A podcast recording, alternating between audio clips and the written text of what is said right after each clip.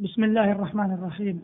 الحمد لله والصلاة والسلام على رسول الله نبينا محمد وعلى آله وصحبه ومن والاه معاشر المستمعين الكرام سلام الله عليكم ورحمته وبركاته.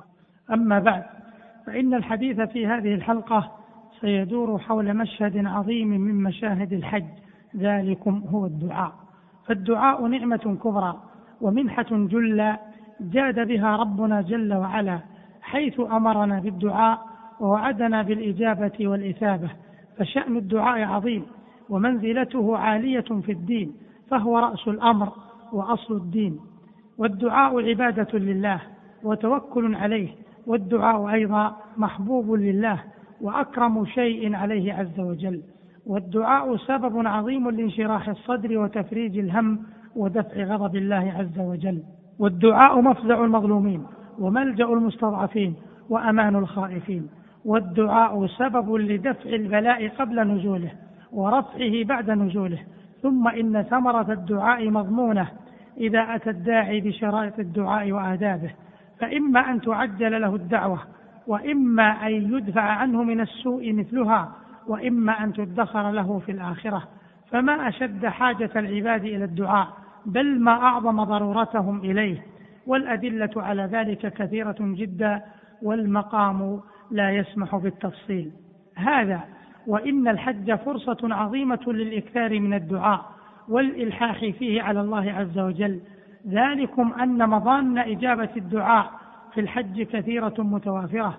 فالأوقات والأماكن والأحوال والأوضاع التي يستجاب فيها الدعاء تتوافر في الحج أكثر مما تتوافر في غيره.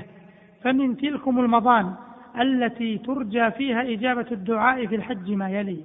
أولا أن الحاج مسافر والمسافر مستجاب الدعاء قال النبي صلى الله عليه وسلم. ثلاث دعوات مستجابات دعوة المظلوم ودعوة المسافر ودعوة الوالد لولده. رواه البخاري في الأدب المفرد وأبو داود وصححه الألباني. ثانيا أن الحاج مستجاب الدعوة قال النبي صلى الله عليه وسلم الغازي في سبيل الله والحاج والمعتمر وفد الله. دعاهم فأجابوه وسألوه فأعطاهم. رواه ابن ماجه وصححه الألباني. ثالثا في الحج يشتد الإخلاص وذلك من أعظم أسباب الإجابة كما في قصة أصحاب الغار الذين انطبقت عليهم الصخرة كما في صحيح البخاري فكان إخلاصهم لله أعظم سبب لنجاتهم. رابعا في الحج مواضع عديدة يشرع فيها الدعاء وترجى الإجابة.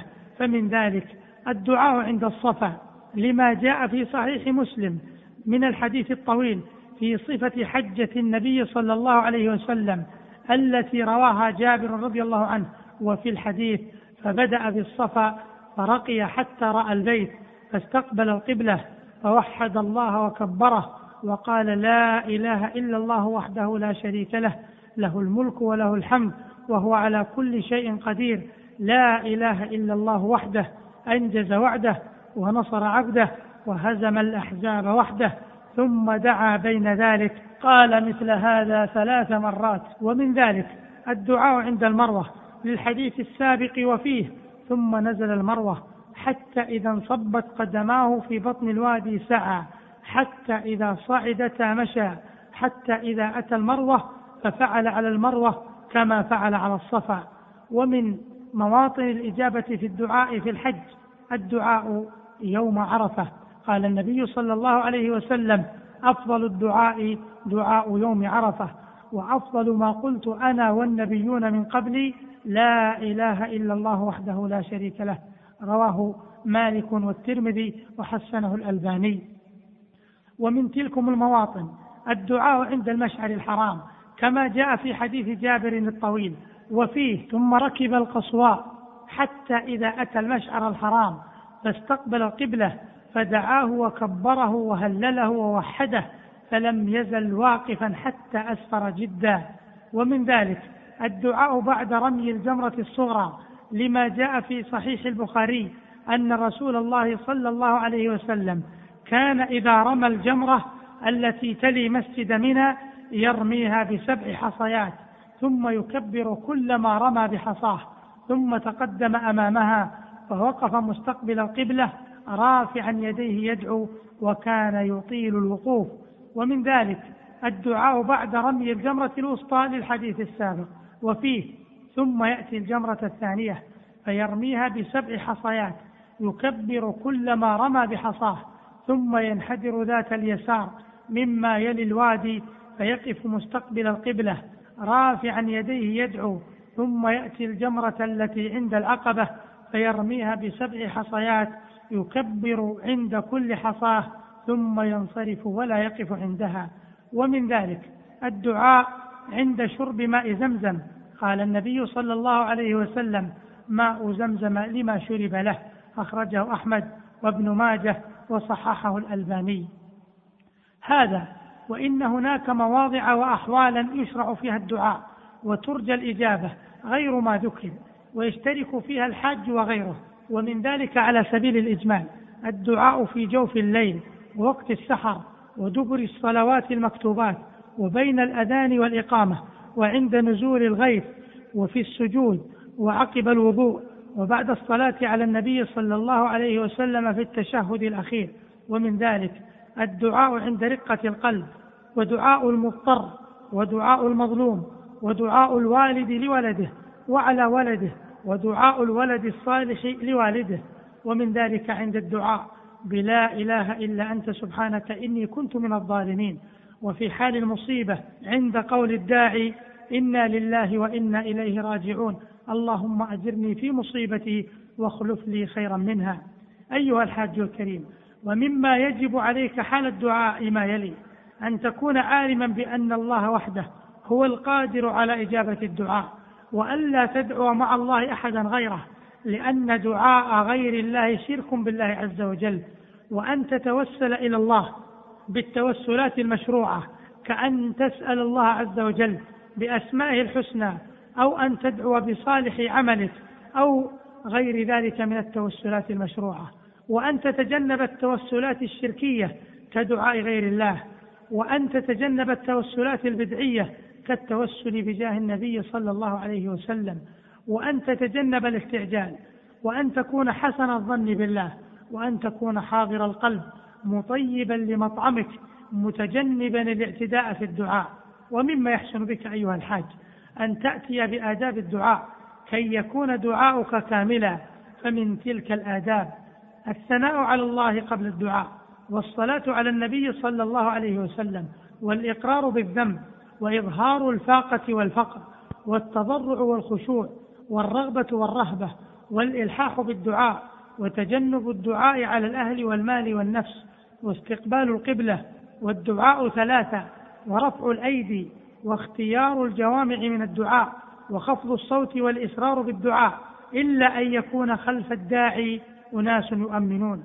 ومن الآداب ألا يحذر الداعي رحمة الله وأن يدعو لإخوانه المسلمين وأن يسأل الله كل صغيرة وكبيرة. ومما يحسن بك أيها الحاج حال الدعاء أن تدعو بالأدعية المشروعة من الكتاب والسنة لما فيها من الخير والاتباع. والبركة والسلامة من الخطأ والاعتداء. ومن تلك الأدعية ربنا آتنا في الدنيا حسنة وفي الآخرة حسنة وقنا عذاب النار. ربنا تقبل منا إنك أنت السميع العليم. رب اجعلني مقيم الصلاة ومن ذريتي ربنا وتقبل دعاء. رب هب لي من لدنك ذرية طيبة إنك سميع الدعاء. لا إله إلا أنت سبحانك إني كنت من الظالمين. رب اشرح لي صدري ويسر لي أمري. ربنا أفرغ علينا صبرا وثبت أقدامنا وانصرنا على القوم الكافرين. ربنا لا تزغ قلوبنا بعد إذ هديتنا وهب لنا من لدنك رحمة إنك أنت الوهاب. ربنا اغفر لنا ولإخواننا الذين سبقونا بالإيمان ولا تجعل في قلوبنا غلا للذين آمنوا. ربنا إنك رؤوف رحيم. رب أعوذ بك من همزات الشياطين وأعوذ بك رب أن يحضرون. رب زدني علما. رب زدني علما وألحقني بالصالحين.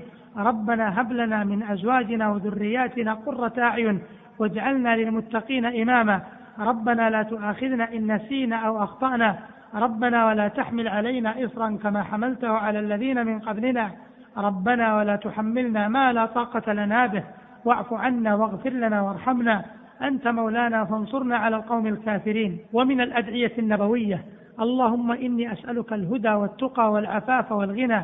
يا مقلب القلوب ثبت قلبي على دينك. رب اغفر لي ذنبي كله دقه وجله أوله وآخره سره وعلانيته. اللهم إني أعوذ بك من زوال نعمتك وتحول عافيتك وفجاءة نقمتك وجميع سخطك. اللهم إني أعوذ بك من العجز والكسل والجبن والهرم والبخل وأعوذ بك من عذاب القبر ومن فتنة المحيا والممات. اللهم أعني على ذكرك وشكرك وحسن عبادتك أيها الحاج الكريم. إذا كانت هذه هي حالك مع الدعاء فحري أن يستجاب لك. وقال ربكم ادعوني أستجب لكم ولقد أحسن من قال وإني لأدعو الله والأمر ضيق علي فما ينفك أن يتفرج. ورب فتى ضاقت عليه وجوهه أصاب له في دعوة الله مخرجا. أسأل الله بأسمائه الحسنى وصفاته العلى.